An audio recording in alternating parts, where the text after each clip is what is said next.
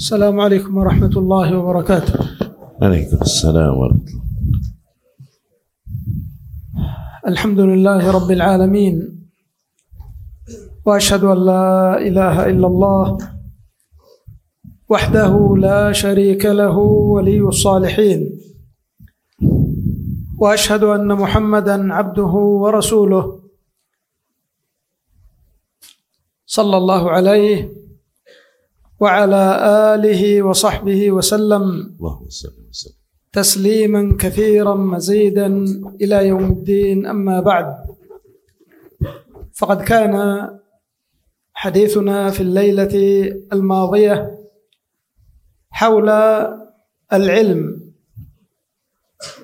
والتعامل به مع المخالف والمؤالف وفي هذه الليلة التي نرجو برها وبركتها سيكون الكلام حول العلم والعمل بالعلم Baik, eh, setelah Syekh berhamdalah kemudian bersalawat dan salam ke atas Rasulullah Sallallahu Alaihi Wasallam, kemudian Syekh berkata bahwa pertemuan kita kemarin malam berbicara tentang ilmu, ya, dan berbicara juga tentang bagaimana bermuamalah dengan mukhalif, dengan orang-orang yang eh, berselisih dan orang-orang yang bersepakat di dalam keilmuan. Oke. Adapun pembahasan kita pada malam ini insya Allah akan berbicara tentang ilmu dan pengamalannya ya tentang ilmu dan pengamalannya. Fadl. فالعلم انما يراد للعمل Sesungguhnya ilmu pada dasarnya memang ditujukan untuk dipraktikkan, untuk dipraktekkan, untuk diamalkan. فالعلم شجره والعمل ثمره Apabila mau diberikan analogi, maka ilmu adalah pohon dan amalan tersebut adalah buahnya. وقد قال الله سبحانه وتعالى ان الذين قالوا ربنا الله ثم استقاموا Allah Subhanahu wa taala berfirman, sesungguhnya mereka yang berkata bahwasanya Rabb kami adalah Allah, kemudian mereka beristiqamah fala budda minal iman wal ilm wala budda minal amali al-ilm. Maka dari situ dapat disimpulkan wajibnya ya keimanan yang didasari keilmuan dan kemudian amalan yang berangkat dari keilmuan.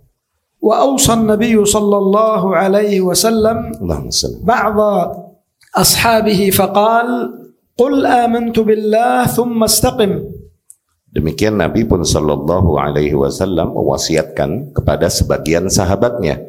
Nabi berkata, katakanlah, aku beriman kepada Allah, kemudian beristiqomahlah. فجمع له بين العلم والعمل Jelas di hadis itu pun dapat disimpulkan bahwa di situ Nabi menyatukan antara ilmu dengan amal. Qala al-Hafidh Ibn Rajab rahimahullah taala alladhina qalu rabbuna Allah kathir walakin alladhina istaqamu qalil.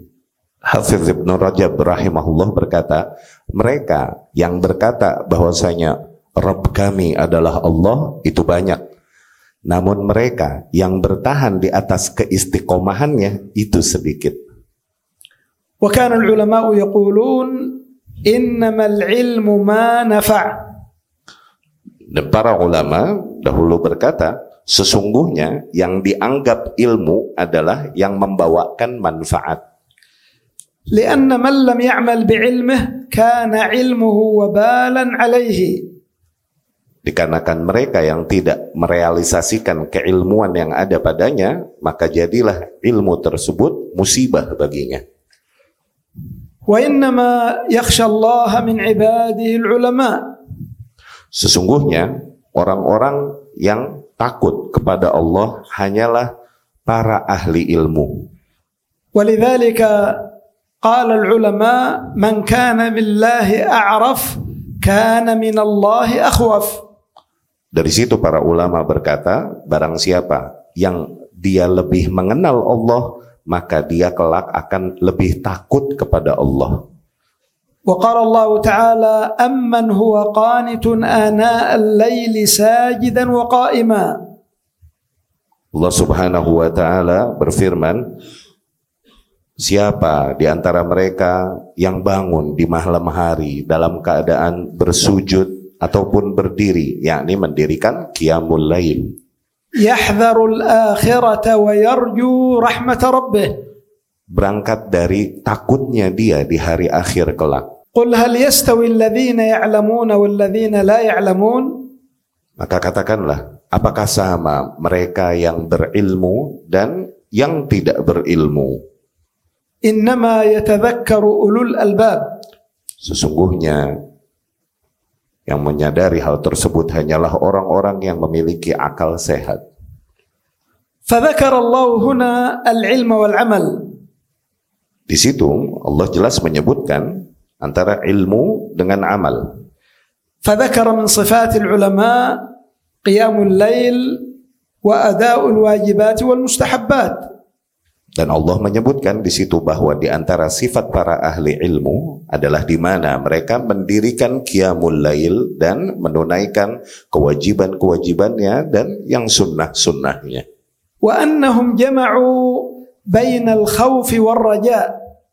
Dan bahwasanya para ahli ilmu tersebut menyatukan antara sifat khauf yaitu takut kepada Allah dan raja yaitu senantiasa berharap juga kepada rahmat Allah. Fakhawfuhum min Allah yamna'uhum min al-wuqu'i fil.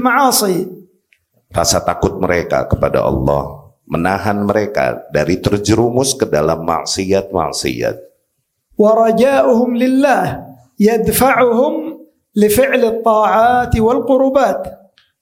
Dan rasa berharap mereka kepada Allah mendorong mereka, memotivasi mereka untuk terus melakukan amalan-amalan ketaatan-ketaatan yang mendekatkan diri kepada Allah. وقد وصف الله عز وجل أنبياءه بالعلم والعمل والخشية Dan Allah sendiri telah mensifati para nabinya dengan keilmuan dan amalan dan rasa takutnya, yakni kepada Allah.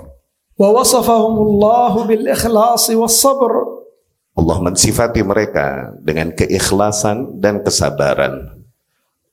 ووصفهم بالمسارعة في مرضاة الله Allah mensifati bahwa mereka adalah orang-orang yang bersegera menuju keridhaan Allah. وبالتضرع والابتهال إلى الله Mereka orang-orang yang senantiasa bersimpuh dan memohon kepada Allah. قال الله قال Allah تعالى إنهم كانوا يسارعون في الخيرات Allah berfirman, sesungguhnya mereka senantiasa bersegera di dalam hal-hal kebaikan. Dan senantiasa memohon kepada kami baik berangkat dari rasa cintanya ataupun rasa takutnya. Dan mereka senantiasa khusyuk, tunduk dan takut kepada kami. وقال الله عز وجل عن نوح ذرية ذرية من حملنا مع نوح إنه كان عبدا شكورا Dan Allah pun mensifati tentang Nabiullah Nuh alaihi salam bahwasanya sesungguhnya ia adalah seorang hamba yang sangat merealisasikan nilai-nilai bersyukur kepada Allah. وقال الله عن داود عليه السلام ni'mal 'abd innahu awwab.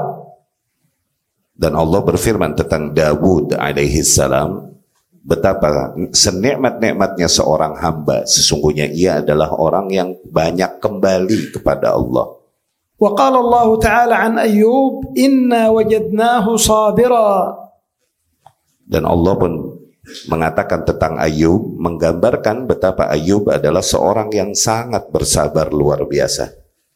وهكذا وصف الله أنبياءه بكل خير وفضيلة Demikianlah Allah Subhanahu wa taala mensifati para nabinya dengan seluruh bentuk kebaikan dan keutamaan. فإنهم صفوة الله من عباده وخيرته من خلقه Dikarenakan mereka adalah hamba-hamba terbaik dan hamba-hamba terpilih pilihan dari Allah Subhanahu wa taala. وهكذا أصحاب النبي صلى الله عليه وسلم Dan demikian juga para sahabat Nabi sallallahu alaihi wasallam radhiyallahu anhum.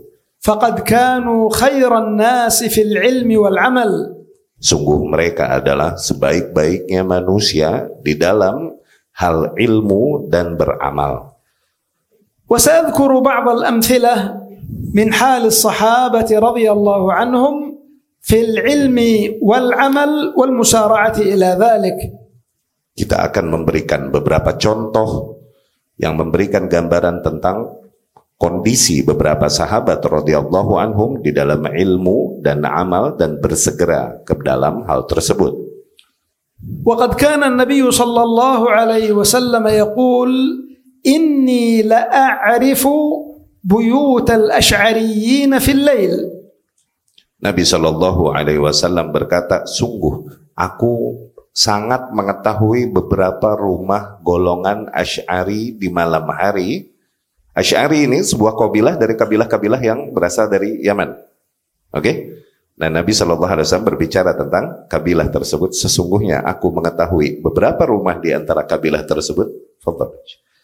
وذلك لقيامهم بالليل وحسن تلاوتهم للقرآن Itu dikarenakan terlihatnya betapa mereka senantiasa menghidupkan malam-malam harinya dan betapa mereka membaca Al-Quran dengan baik.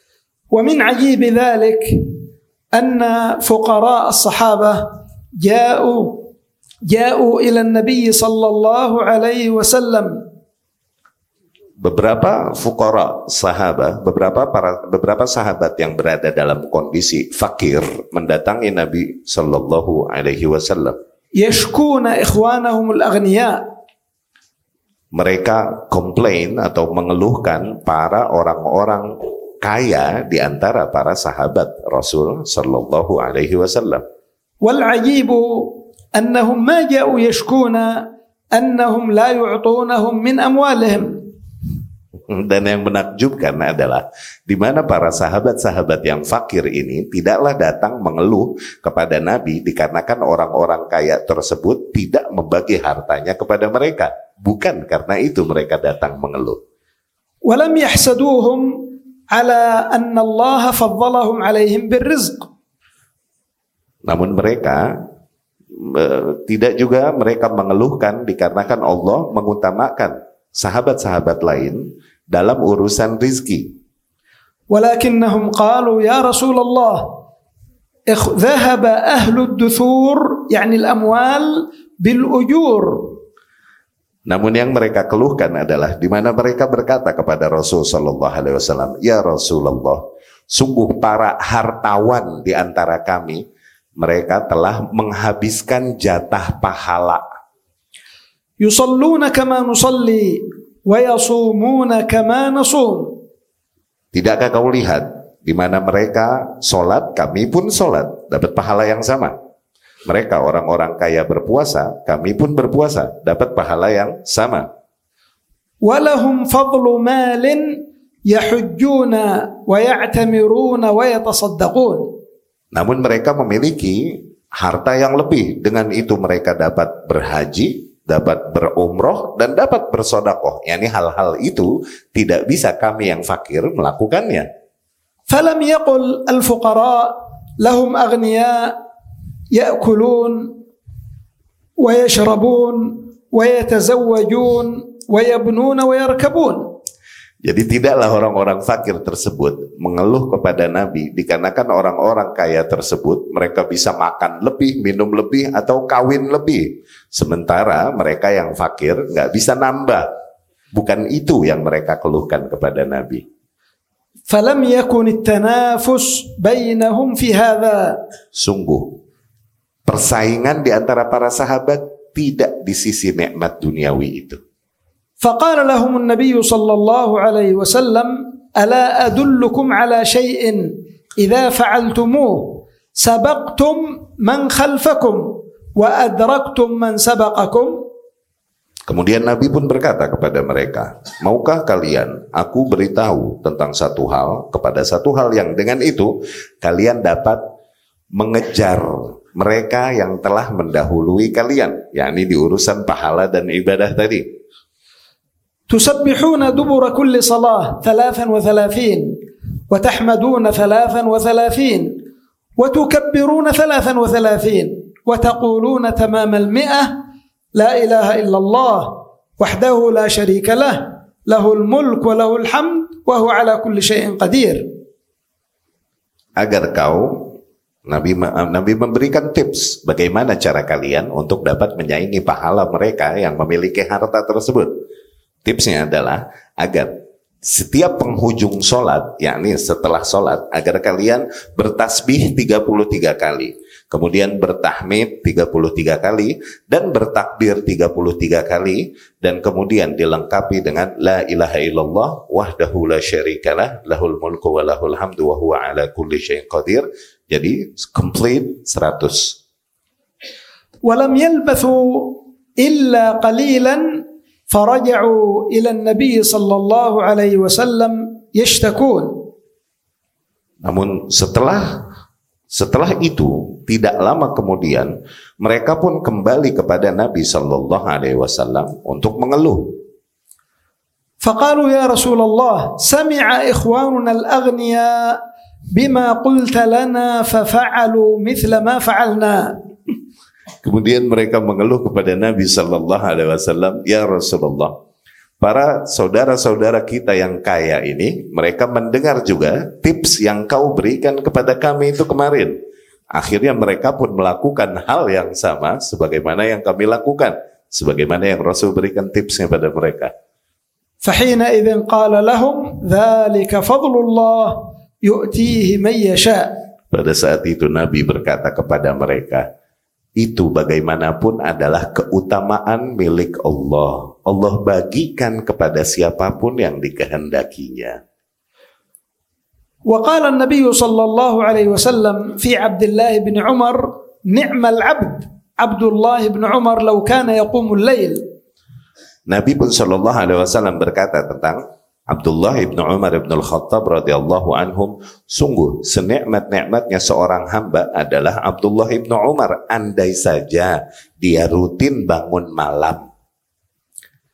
Qala fawallahi ma taraktu qiyam al-lail ba'da dhalik. Abdullah ibnu Umar setelah Nabi mengatakan tersebut ia berkata Sungguh demi Allah aku tidak pernah meninggalkan solat malam sekalipun setelah itu فانتفع بذلك العلم وعمل به Akhirnya dia dapat mengambil manfaat dari situ, baik dari ilmu ataupun amalannya. ودعا النبي صلى الله عليه وسلم عبد الله بن عمرو بن العاص يوما فقال له Suatu hari Nabi Shallallahu Alaihi Wasallam memanggil Abdullah ibnu Amr ibnu As radhiyallahu anhu. Kemudian Nabi berkata kepada Abdullah ibnu Amr, Alam ukhbar annaka taqulu atau annaka taqumul layla wa tasumun nahar? Nabi berkata kepada Abdullah ibnu Amr ibnu As ini, Aku mendapatkan kabar bahwasanya kau senantiasa mendirikan solat di malam hari dan terus berpuasa di siang hari.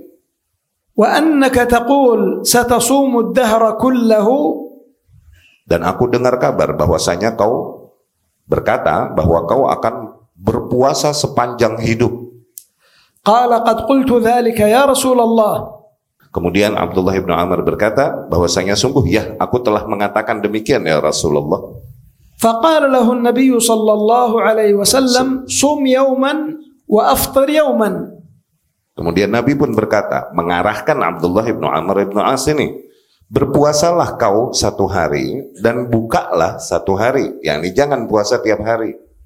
وكان قبل ذلك قد قال له صم ثلاثة أيام من كل شهر Bahkan sebelumnya Nabi pun pernah menganjurkannya untuk berpuasa tiga hari, minimal tiga hari di dalam satu bulan. فقال إني أطيق أفضل من ذلك يا رسول الله Namun Abdullah ibnu Amr berkata, sungguh aku mampu lebih banyak dari itu ya Rasulullah. فقال صم يوما وأفطر يومين Kemudian Nabi berkata, kalau begitu berpuasalah kau sehari dan buka dua hari. Faqala inni utiqu afdala min dhalika ya Rasulullah. Namun Abdullah bin Amr berkata, sungguh aku masih mampu untuk melakukan lebih dari itu ya Rasulullah. Faqala sum yauman wa aftir yauma. Akhirnya Nabi berkata, kalau begitu puasalah kau satu hari dan buka satu hari. Qala la afdala min dhalik wa huwa siyamu Dawud alaihissalam. Itu adalah puasa Nabiullah Dawud alaihi salam. ومن عجيب ما روي عن الصحابة رضي الله تعالى عنهم في هذا الباب Dan di antara riwayat-riwayat menarik yang diriwayatkan dari para sahabat radhiyallahu anhum di dalam bab beramal demikian ما أخرجه الإمام مسلم في صحيحه عن أم حبيبة رضي الله عنها yang diriwayatkan oleh Imam Muslim rahimahullah di dalam sahihnya dari Ummu Habibah radhiyallahu anha حيث روت عن النبي صلى الله عليه وسلم أنه قال di mana dia meriwayatkan dari Nabi Shallallahu alaihi wasallam bahwasanya Nabi bersabda من صلى في يومه وليلته ثنتي عشرة ركعة بنى الله له بهن بيتا في الجنة Nabi berkata sallallahu alaihi wasallam barang siapa yang melaksanakan sholat 12 rakaat di dalam sehari semalam maka dengan itu Allah Subhanahu wa taala akan membangunkan baginya rumah di surga. قالت أم حبيبة رضي الله عنها والله ما تركتهن منذ سمعتهن من النبي صلى الله عليه وسلم Ummu Habibah berkata, sungguh demi Allah aku tidak pernah meninggalkan 12 rakaat tersebut sejak aku dengar hal tersebut dari Rasulullah Sallallahu Alaihi Wasallam. 12 rakaat ini maksudnya sholat-sholat yang eh, nawafil ya, qobliyah ba'diyah, qobliyah ba'diyah, gitu ya. Baik. وكان الراوي عنها لهذا الحديث في صحيح مسلم عنبسة ابن أبي سفيان Dan yang meriwayatkan hadis ini dari Ummu Habibah radhiyallahu anha adalah seorang tabi'in yang bernama Ambasah ibnu Abi Sufyan rahimahullah. قال والله ما تركتهن منذ سمعتهن من أم حبيبة Ambasah pun, ini tabi'in yang meriwayatkan dari Ummu Habibah juga berkata, Demi Allah, aku pun tak pernah meninggalkan 12 rakaat itu sejak aku dengar hadis ini dari Ummu Habibah radhiyallahu anha. وروى الحديث عن عنبسة عمرو بن أوس في صحيح مسلم قال والله ما تركتهن منذ سمعتهن من عنبسة Dan kemudian yang meriwayatkan dari Ambasah ini di dalam Sahih Muslim adalah Amr ibnu Aus rahimahullah. Dia pun demikian berkata, demi Allah, aku tidak pernah meninggalkan 12 rakaat itu sejak aku dengar hadis ini dari Ambasah. وروى الحديث في صحيح مسلم النعمان بن سالم عن عمرو بن أوس فقال والله ما تركتهن منذ سمعتهن من عمرو بن أوس Dan kemudian hadis tersebut diriwayatkan dari Amr ibnu Aus oleh An-Nu'man ibnu Salim. Demikian pun An-Nu'man ibnu Salim rahimahullah berkata, Sungguh aku tak pernah meninggalkan 12 rakaat tersebut sejak aku mendengar hadis tersebut dari Amr ibnu Aus. Wahada hadithun musalsalun bil ilmi wal amal. Hadis ini di dalam metodologi ilmu hadis yang dikenal dengan nama istilah hadis musalsal bil ilmi wal amal. yakni sebuah rantai hadis yang diriwayatkan ya dengan lafaz tertentu dan dengan praktek tertentu yang sama dilakukan oleh para periwayat di rantai hadis tersebut. وهذا هو المقصود من العلم Inilah yang menjadi tujuan dari ilmu. والا كان العلم وبالا علينا Kalau tidak demikian, yakni ilmu tidak menjadi sebuah amalan, jadilah justru ilmu tersebut menjadi musibah kelak bagi kita. فلنسال انفسنا جميعا ما نصيبنا من هذه الرواتب المتعلقه بالصلوات الخمس Coba sekarang kita mulai introspeksi diri kita masing-masing.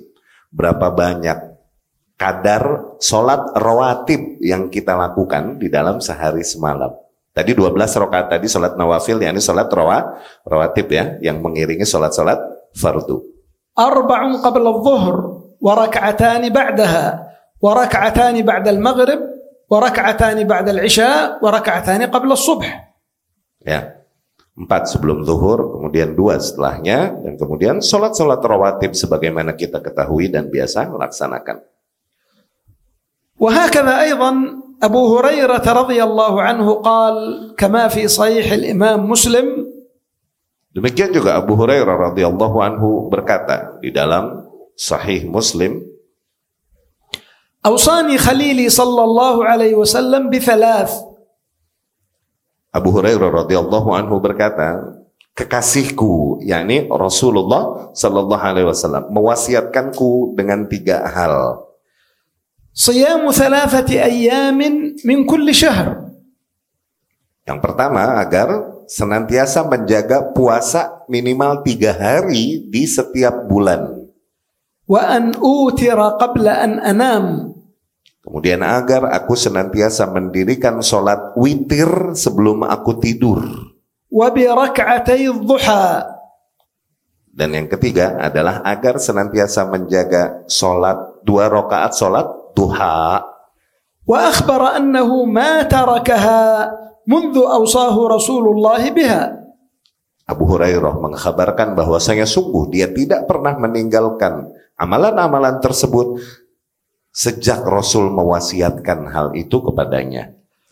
Walamma anzala Allah azza wa jal lan tanalul birr hatta tunfiqu mimma tuhibbun.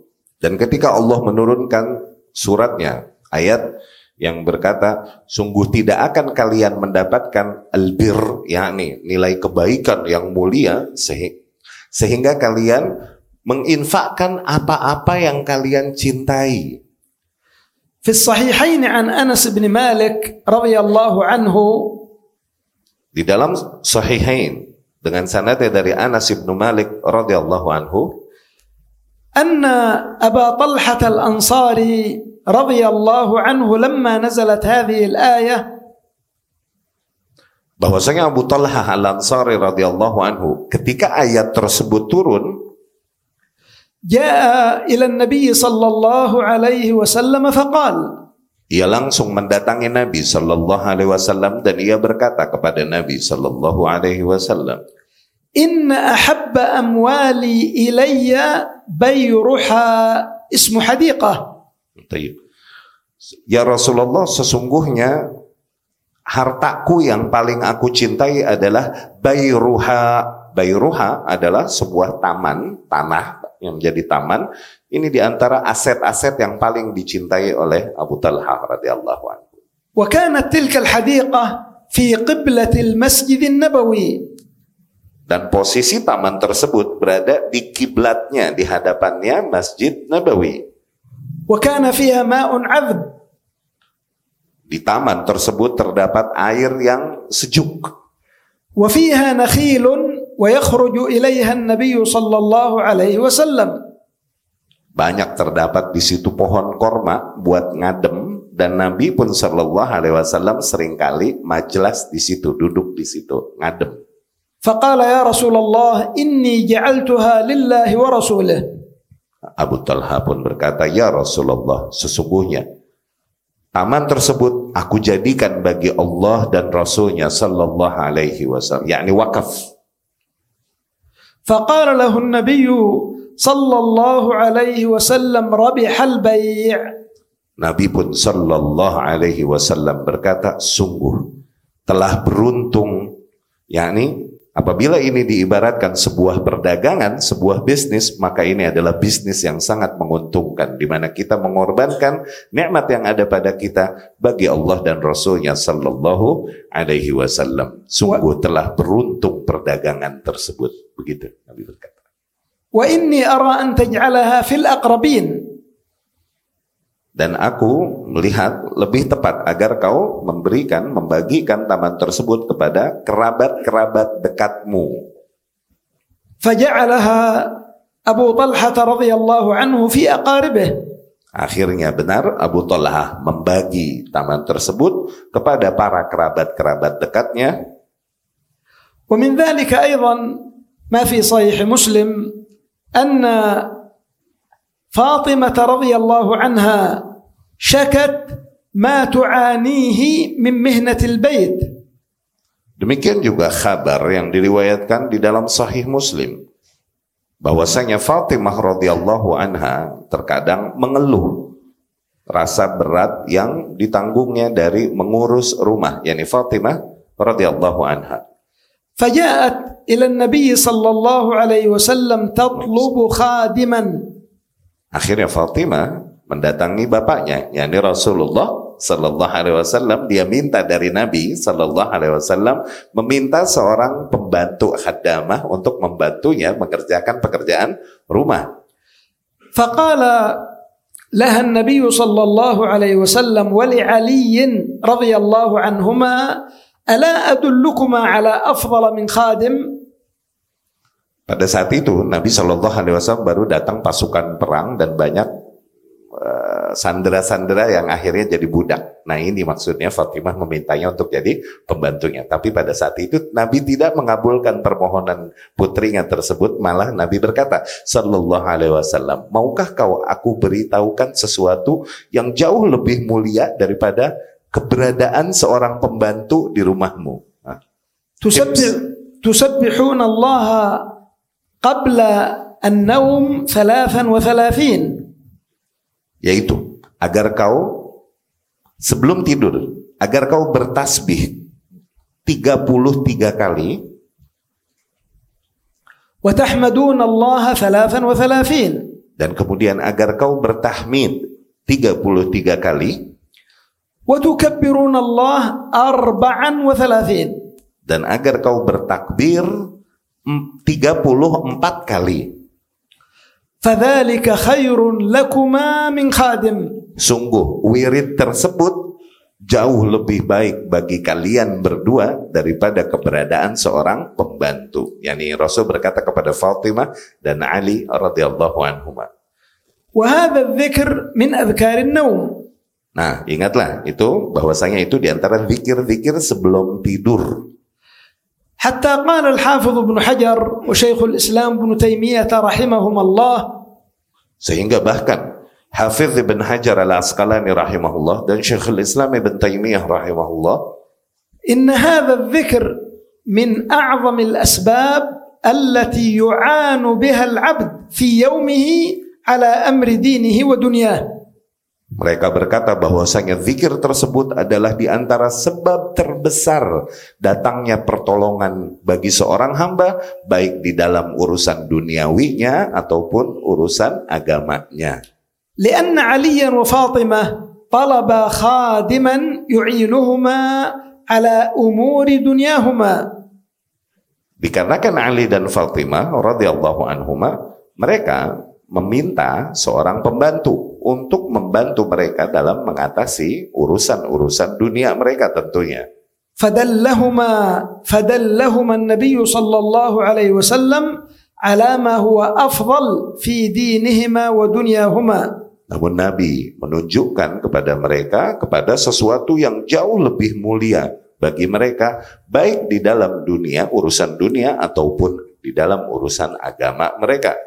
والعجيب في هذه القصة أنه في صحيح مسلم قيل لعلي بن أبي طالب لما قال فما تركت هذه الكلمات منذ سمعتها من النبي صلى الله عليه وسلم Nah, ajibnya dari kisah ini, menakjubkannya dari kisah ini di Sahih Muslim adalah apa yang dikatakan Ali bin Abi Thalib radhiyallahu anhu bahwasanya sungguh aku tak pernah meninggalkan wirid ini sejak aku mendengarnya langsung dari Rasulullah sallallahu alaihi wasallam.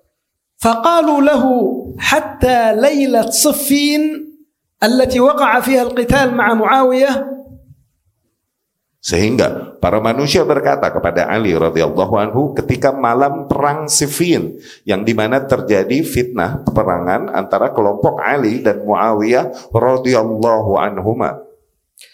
لأن المتوقع أن ليلة المعركة ينشغل فيها الإنسان عن أهم مطالبه الدينية والدنيوية. Ali radhiyallahu anhu sehingga eh, Ali radhiyallahu anhu tetap mempertahankan zikir tersebut di peperangan malam malam peperangan Siffin dikarenakan biasanya di hari peperangan demikian seseorang akan tersibukkan dari zikir-zikir atau dari urusan-urusan agamanya atau dunianya dan fokus pada urusan peperangan. فقال علي رضي الله عنه ولا ليلة صفين أي أنه حافظ على هذا الذكر حتى في تلك الليلة العصيبة Ali berkata radhiyallahu anhu, sungguh aku terus pertahankan zikir tersebut wirid ini sejak aku dengar dari Rasul sallallahu alaihi wasallam sampai pun di malam perang Siffin yang di situ terjadi peperangan antara Ali dan Muawiyah. Awas, eh, peperangan di antara sahabat radhiyallahu anhum kalaupun kita mendengar jangan sama sekali mengurangi rasa hormat kita kepada mereka. Radhiyallahu anhum. Udah. Ya, jangan sama sekali mengurangi rasa hormat kita apabila mendengar apa yang terjadi di antara para sahabat radhiyallahu anhum. Udah, ya. Tayyib. وكثير منا اليوم لأدنى شغل وعذر قد يترك الواجبات فضلا عن المستحبات Dan kebanyakan kita sekarang, kesibukan-kesibukan har- sehari-hari kita itu menyibukkan kita dari perkara-perkara yang wajib atas kita, apalah lagi dari perkara-perkara atau ibadah-ibadah yang sifatnya sunnah. Wa minal mu'sifi jiddan annaka tara ba'd al-aba ahsanu 'amalan min kathirin min talabatil ilmi wad du'ah. Dan sangat disayangkan sekali ketika kita sering kali melihat sebagian bapak-bapak atau orang-orang tua kok beramalnya jauh lebih baik daripada para penuntut ilmu dan para dai yang masih muda. Ini adalah realita beneran.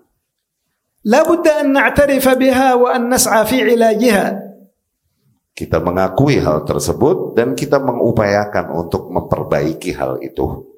فبعض طلبة العلم لا يوتر إلا في رمضان Tidakkah kita lihat sebagian para penuntut ilmu tidak witir kecuali pas lagi Ramadan doang. Itu juga kalau dia terawih. ولا يكاد يصلي الضحى Bisa jadi hampir di- bisa dikatakan kagak pernah duha sama sekali tuh penuntut ilmu. ولا يكاد يأتي بأذكار الصلوات الخمس Kalau habis sholat lima waktu nggak pakai zikir malah tuh penuntut ilmu. ما هو إلا أن يسلم فيخرج, فيخرج الهاتف من جيبه لينظر المكالمات والرسائل Setiap kali baru kelar sholat, dia nggak zikir, tapi langsung refleks dia ngeluarin HP-nya dari kantong, langsung lihat message-message yang masuk. مع أن النبي صلى الله عليه وسلم قال Padahal Nabi sallallahu alaihi wasallam bersabda, "Fit tasbih wa tahmid wa takbir aqiba salawatil khams." Nabi bersabda tentang tasbih, tahmid dan takbir setelah solat yang lima waktu. Annahu yukaffirul khataya walau kanat mithla zabadil bahr bahwasanya zikir-zikir tersebut menghapuskan dosa-dosa kita kalaupun jumlahnya seperti buih-buih di lautan. Allahu Akbar. وإذا أردتم أن نعرف هذا في أنفسنا معشر الحاضرين Dan apabila kalian فمن منا اليوم حافظ على أذكار الصباح والمساء والخروج من منزله وأذكار الدخول إلى المسجد agar kita mulai menjaga rutinitas zikir kita, zikir pagi, petang, zikir keluar rumah atau keluar dari masjid, zikir setelah sholat.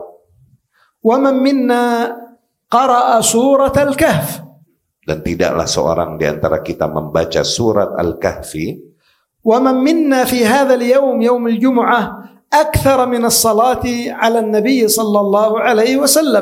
Tidak juga di hari Jumat ini kita bersalawat lebih banyak kepada Nabi sallallahu alaihi wasallam.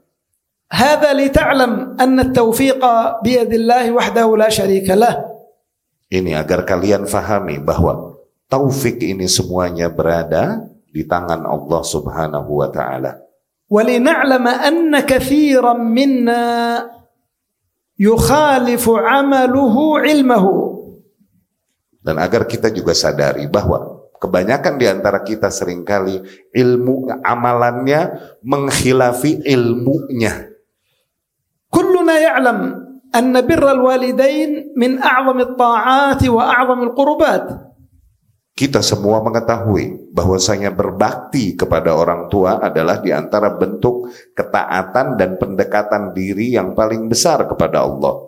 وَرُبَّمَا مِنَّا مَنْ هُوَ عَاقٌ لِوَالِدَيْهِ Namun bisa jadi di antara kita ada yang masih berdurhaka kepada kedua orang tuanya. وَقَاطِعٌ لِرَحِمِهِ Bahkan memutuskan silaturahminya. وَمُؤْذِنْ لِجِيرَانِهِ Atau menyakiti tetangganya. وَمُسِيءٍ إِلَىٰ أَهْلِهِ وَأَوْلَادِهِ dan bertindak buruk, bersikap buruk kepada istri dan anak-anaknya. Wahwa khairun li ashabi wa asdiqaihi min abihi wa um wa ummihi wa zawjatihi wa auladihi. Dan namun dia bersikap begitu jauh lebih baik kepada teman-temannya daripada kedua daripada kepada kedua orang tuanya dan kepada anak-anaknya. مع أن النبي صلى الله عليه وسلم يقول خيركم خيركم لأهله وأنا خيركم لأهلي Padahal Nabi sendiri berkata sallallahu alaihi wasallam, orang-orang yang terbaik di antara kalian adalah yang paling baik sikapnya kepada ahlinya dan aku orang yang paling bersikap baik kepada ahliku. ولأن كثيرا منا لم يعمل بعلمه محقت بركة العلم Dan dikarenakan kebanyakan kita tidak merealisasikan ilmu yang telah kita ketahui, akhirnya seringkali dihilangkan dari kita keberkahan ilmu. فصرنا نتكلم كثيرا ولا يتأثر الناس بنا Kita sering banyak berbicara, namun tidaklah pembicaraan kita berefek pada manusia. لأنهم يرون أعمالنا تكذب أقوالنا Dikarenakan mereka melihat betapa praktek kita, amalan kita mendustai apa yang kita ucapkan. فأصبحنا نتكلم كثيرا ونعمل قليلا Akhirnya kita banyak ngomong, amalnya dikit. وقد كان السلف على عكس ذلك كانوا يعملون كثيرا ويتكلمون قليلا Adapun para salafus saleh, justru sebaliknya, mereka banyak beramal dan sangat sedikit berbicara. وكان في كلامهم القليل الخير والبركة Namun di dalam ucapan mereka yang sedikit tersebut terkandung banyak kebaikan dan keberkahan. وإنما فضل من قبلنا علينا بهذا Mereka, kaum sebelum kita, diberikan keutamaan ke atas kita di dalam hal ini وقد كان الإمام يزيد بن هارون رحمه الله أحد أئمة السلف في السنة Sungguh Imam Yazid ibn Harun adalah di antara imam-imam ahlus sunnah. كان كما قالوا في ترجمته ممن يزداد كل يوم خيرا Sebagaimana yang diceritakan di dalam biografinya, beliau rahimahullah adalah di antara orang yang setiap hari menambahkan kebaikannya. فكل يوم يمر عليه يزداد خيرا جديدا Setiap hari yang ia lewati, ia menambahkan kebaikan yang baru baginya. وبعضنا مع الأسف ربما يزداد كل يوم شرا Adapun kita sangat disayangkan justru sebaliknya, tidaklah berlaru setiap hari pada kita kecuali bertambah keburukan kita. وربما رجع إلى الوراء Yang ada kita mundur. Hmm. وهكذا أيضا حماد بن سلمة أحد أئمة السلف Demikian juga Imam Muhammad ibnu Salamah rahimahullah, salah seorang di antara imam-imam salaf. قالوا لو قيل له إن القيامة تقوم غدا ما زاد في عمله شيئا Apabila dikatakan kepada Imam Muhammad bahwasanya besok kiamat akan terjadi, maka dia tidak bisa menambahkan amalannya sedikit pun karena amalannya udah full. Amalan dia udah sangat full. Sehingga kalau dikatakan besok kiamat mau nambahin apa lagi, amalan dia udah selalu full. Demikian maksudnya. والسبب في ذلك أن يومه كله مليء بالطاعات Sebabnya hal tersebut dikarenakan hari-harinya Imam Muhammad Ibnu Salamah tiap hari dipenuhi dengan segala bentuk ketaatan. Walau qila li ahadina innal qiyamata taqumu gadan laghayyarna amalana kamilan fil yawmi wal laylah.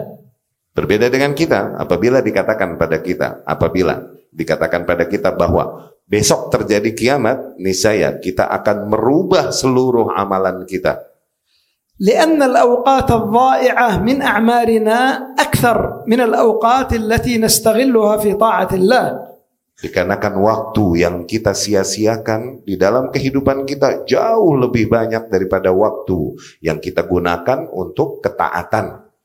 ولذلك قال الإمام مالك رحمه الله إضاعة الوقت من علامة المقت Dari situ Al-Imam Malik rahimahullah berkata, menyia-nyiakan waktu adalah di antara ciri kemurkaan. yakni kemurkaan Allah pada seorang hamba dijadikan ya hamba wasting his time, menyia-nyiakan waktu hidupnya. Wa kana salaf radhiyallahu anhum yata'allamuna al-adab wal 'amal kama yata'allamuna al-'ilm. Dan para salaf terdahulu mereka mempelajari adab dan amal sebagaimana mereka mempelajari keilmuan. وقال الإمام مالك رحمه الله تعالى كانت أمي تضع العمامة على رأسي Imam Malik rahimahullah berkata, Umiku dahulu biasa mena- mem- mem- me- memasangkan imamah di atas kepalaku. Imamah ini yang biasa digunakan oleh orang Arab di gelibet-gelibet kayak yang yang ini biasa kita lihat pada orang-orang Arab. Nah, وتقول لي تعلم من أدب من أدب ربيعة كما تتعلم من علمه dan ibuku seringkali berpesan kepadaku, belajarlah dari manner, dari perangai adab Al-Imam Rabi'ah rahimahullah sebagaimana kau pun mempelajar dari ilmu-ilmunya. Wa qala Abdullah bin Mubarak rahimahullah taala ta'allamna al-adab 30 sana wa ta'allamna al-ilm 20 sana. Dan Al-Imam Abdullah bin Mubarak rahimahullah berkata, kami mempelajari adab 30 tahun dan kemudian kami mempelajari ilmu ini 20 tahun. وقال ابن الجوزي رحمه الله تعالى عن بعض مشايخه لقد استفدت من دموعه أكثر من استفادة من حديثه Dan Al-Imam Ibnul Jauzi berkata, rahimahullah, sungguh aku berkata tentang para masyayikhnya, guru-gurunya, sungguh betapa aku mendapatkan banyak faidah lebih banyak dari air mata mereka daripada faidah yang kuambil dari ilmu yang mereka sampaikan. فاستفاد من خشوع شيخه وخوفه من الله عز وجل وتأثر به Ibnu Jauzi mengambil banyak manfaat dari rasa takut syekhnya, para syekhnya dan kekhusyuan para syekhnya kepada Allah Subhanahu wa taala. لأن الطالب ينظر إلى علم شيخه وعمله Dikarenakan seorang penuntut ilmu, ia akan melihat ilmu syekhnya dan amalan syekhnya tersebut. فإذا كان علمه يخالف عمله لم ينتفع به تلميذه Maka apabila ilmunya bertentangan dengan apa yang diamalkan, niscaya para penuntut ilmunya tidak bisa mengambil manfaat darinya. وأحوج ما يكون اليوم الكثير من طلبة العلم إلى التربية والأدب Sungguh betapa para penuntut ilmu di era ini sangat membutuhkan pendidikan dan adab. الأدب مع الله ومع سنة النبي صلى الله عليه وسلم Adabnya kepada Allah dan adabnya kepada sunnah Rasulnya Sallallahu Alaihi Wasallam والأدب مع أهل العلم dan adab kepada para ahli ilmu. Wal adab ma'al walidain. Dan adab kepada kedua orang tua. Wal adab ma'a kibaris sinni minal muslimin. Dan adab kepada para orang-orang tua dari golongan kaum muslimin. Walau kanu min ammatin nas. Kalaupun orang-orang awam. Wal adab ma'a zumala'i wal ikhwan dan eh, bagaimana adab kepada para kawan-kawan.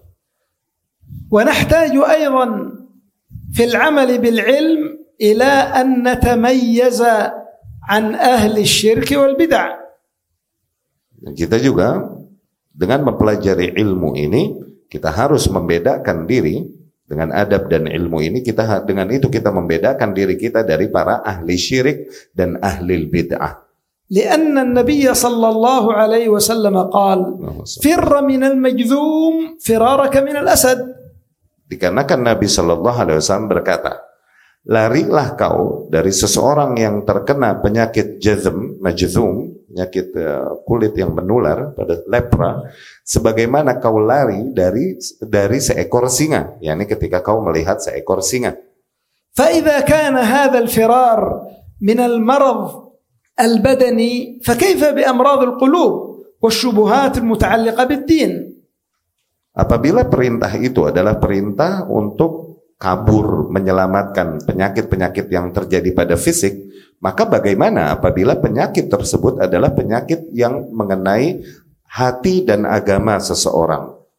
فإن القلوب ضعيفة والشبه خطافة Karena sesungguhnya hati manusia ini lemah, sementara syubhat-syubhat tersebut begitu cepat menyambar والصاحب ساحب dan sahib sahib yakni sahabat adalah orang yang menarik kita magnet sahabat adalah magnet yang menarik kita sahib sahib وكان السلف يقولون قل لي من تجالس أقول لك من أنت dan salaf biasa berkata katakan padaku kau biasa majelas sama siapa aku bisa mengatakan kepadamu siapa dirimu sebenarnya Allahu akbar kau biasa hang out nongkrongnya sama siapa ya? Hah? ente bilangin sama anak Ah, dengan itu aku bisa menggambarkan siapa kau sebenarnya وكانوا يقولون من خفيت علينا بدعته لم تخف علينا ألفته يعني أصحابه وأصدقائه Dan para salaf juga berkata, barang siapa yang bid'ah-bid'ahnya tersembunyi dari kita, maka tidak akan tersembunyi dari kita teman-teman dekatnya. Ya, bisa jadi dia menyembunyikan penyimpangan dan bid'ahnya, cuman nggak bisa dia menyembunyikan dengan siapa dia bersahabat, tetap ketahuan. وقال النبي صلى الله عليه وسلم كما في صحيح مسلم man sami'a bid-dajjal falyan'a anhu ayahrub minhu Nabi pun sallallahu alaihi wasallam berkata di dalam sahih Muslim, barang siapa yang mendengar kabar datangnya dajjal, maka agar dia kabur, lari, menjauh darinya. Qala lima yuthiruhu min al-fitan. Itu dikatakan dikarenakan betapa fitnah-fitnah yang begitu banyak dibawakan oleh Dajjal.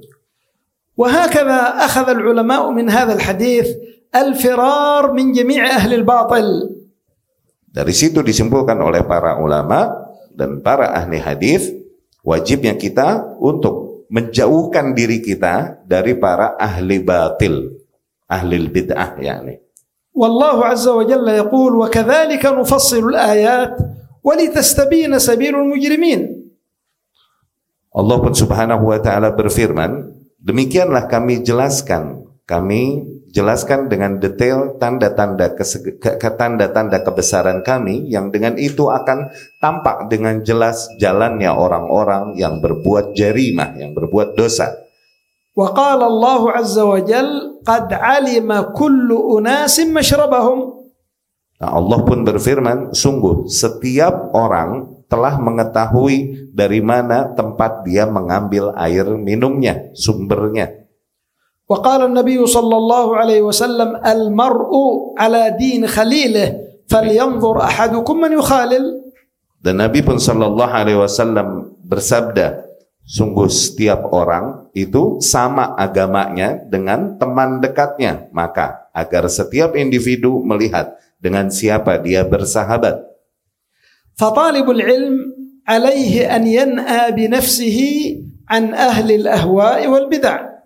Maka yang wajib atas penuntut ilmu agar ia menjauhkan dirinya dari para ahli ahwa. Ahlu, hawa ketika disebutkan artinya syubhat, artinya bid'ah, ya. Maka agar para penuntut ilmu agar ia menjauhkan dirinya dari para ahli syubhat dan ahli bid'ah. لأن هؤلاء قد تمرسوا في الشبهات وقلب الحقائق Dan dikarenakan mereka dikarenakan mereka banyak menyebarkan syubhat-syubhat dan seringkali memutarbalikkan fakta. فربما تأثر طالب العلم بهم Bisa jadi seorang penuntut ilmu yang berdekatan dengan mereka ketularan tuh terkena penyakitnya. La siyama idza kana indahum ilm wa talaqatu lisan. Apalagi ahli bid'ah tersebut memang zahirnya dia punya ilmu dan lidah yang lancar. Wa idza kana ma'ahum dunya wa masalih wa manafi' kana al-khatar a'zam wa akbar. Apalagi itu ahli bid'ah dia memiliki dunia, memiliki kekayaan, dan banyak maslahat-maslahat padanya. Maka bahayanya jauh lebih besar lagi. Pada saat itu berkumpullah antara syubhat yang dibawakan oleh para ahli bid'ah tersebut dan syahwat keinginan kita untuk mendapatkan kekayaan yang ada padanya dan dunia yang ada padanya. Sungguh keselamatan agama kita sesuatu yang tiada bandingannya. Wadarul mafasid muqaddamun ala jalbil masalih. Dan sungguh menghindari kerusakan-kerusakan harus lebih diprioritaskan daripada mengambil maslahat-maslahat. Wa inna ba'd asy-syabab al-yawm yaqul sa'ajlisu ma'a kulli ahad wa la aqbalu illa al-kitab wa sunnah.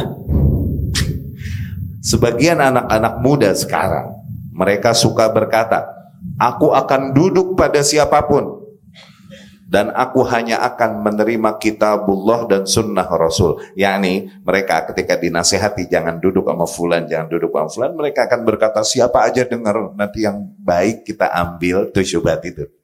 Yang yang benar, yang baik sesuai dengan kitab dan sunnah kita ambil, yang tidak kita tinggalkan. Kepedean maksudnya anak muda sekarang pada kepedean. Wala yadri hadzal miskin anna ashab al-bid'ah yastadilluna bi ayatin wa ahadith wa yad'unaha fi ghairi mawdhi'iha. Dan tuh anak-anak muda, mereka tidak menyadari bahwasanya para ahli bid'ah sering kali menggunakan ayat-ayat dan hadis-hadis tersebut yang mereka sampaikan sebagai perangkap. Kemudian mereka arahkan ayat-ayat dan hadisnya tersebut tidak pada tempatnya yang tepat. ولن يقولوا لك إنهم يستدلون بالتوراة والإنجيل Siapa yang mengatakan kepadamu bahwa para ahli bid'ah tersebut akan berdalil menggunakan Taurat dan Injil? ولذلك قيل لبعض السلف إن فلانا يريد أن يحضر عند أهل الحق وأهل الباطل ولا يقبل إلا الحق Dikata, sehingga dari situ dikatakan kepada seseorang salaf, si fulan dia mau menghadiri siapapun, mau ahlul hak ataupun ahlul batil, namun nanti tidaklah dia terima kecuali yang hak.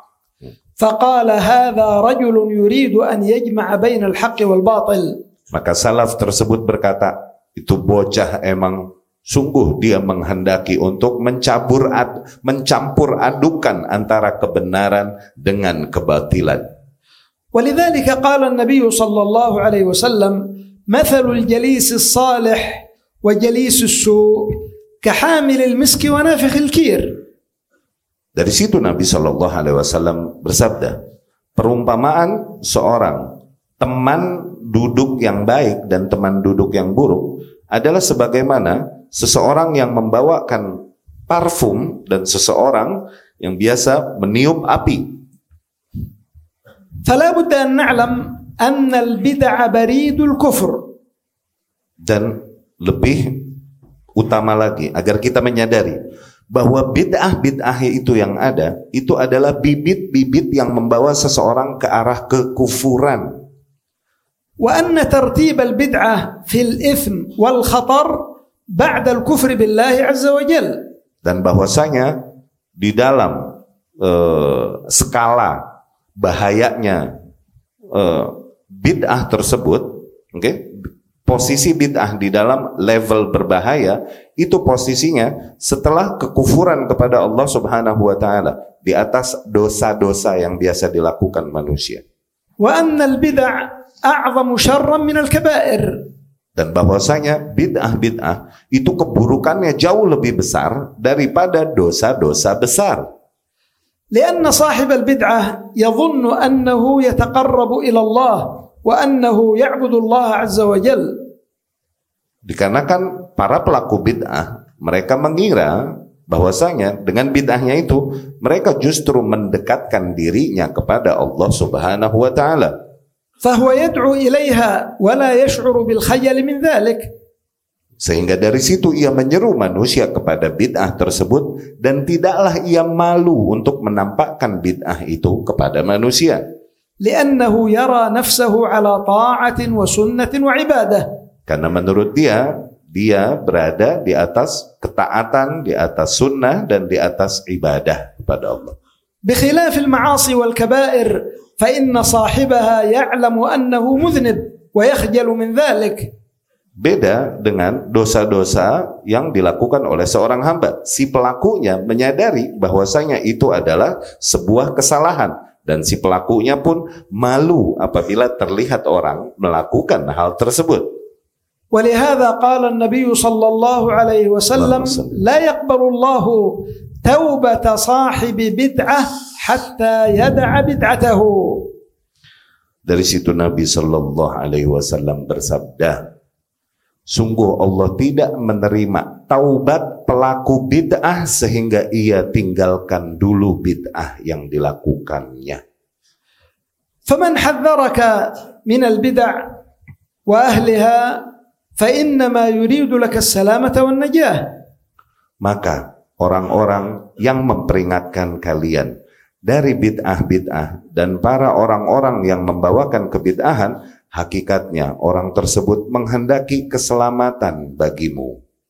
ولا تظن أن العلماء الصادقين المتبعين لمنهج السلف يفرحون بالكلام في أعراض الناس Jangan kalian pernah mengira sama sekali bahwasanya para ulama salaf terdahulu baik dari sahabat tabi'in dan tabi'ut tabi'in mereka berbahagia ketika mesti membicarakan tentang manusia yakni para salaf mau nggak mau mesti menyebut nama orang dan penyimpangan-penyimpangannya menye- memperingatkan kebid'ahan dan penyimpangan mereka kepada para manusia kalian jangan kira para ulama terdahulu enjoy melakukan hal tersebut tidak فإن أعراض الناس حفرة من حفر النار Karena sesungguhnya nama baik manusia adalah lobang di antara lobang-lobang neraka, jurang di antara jurang-jurang neraka.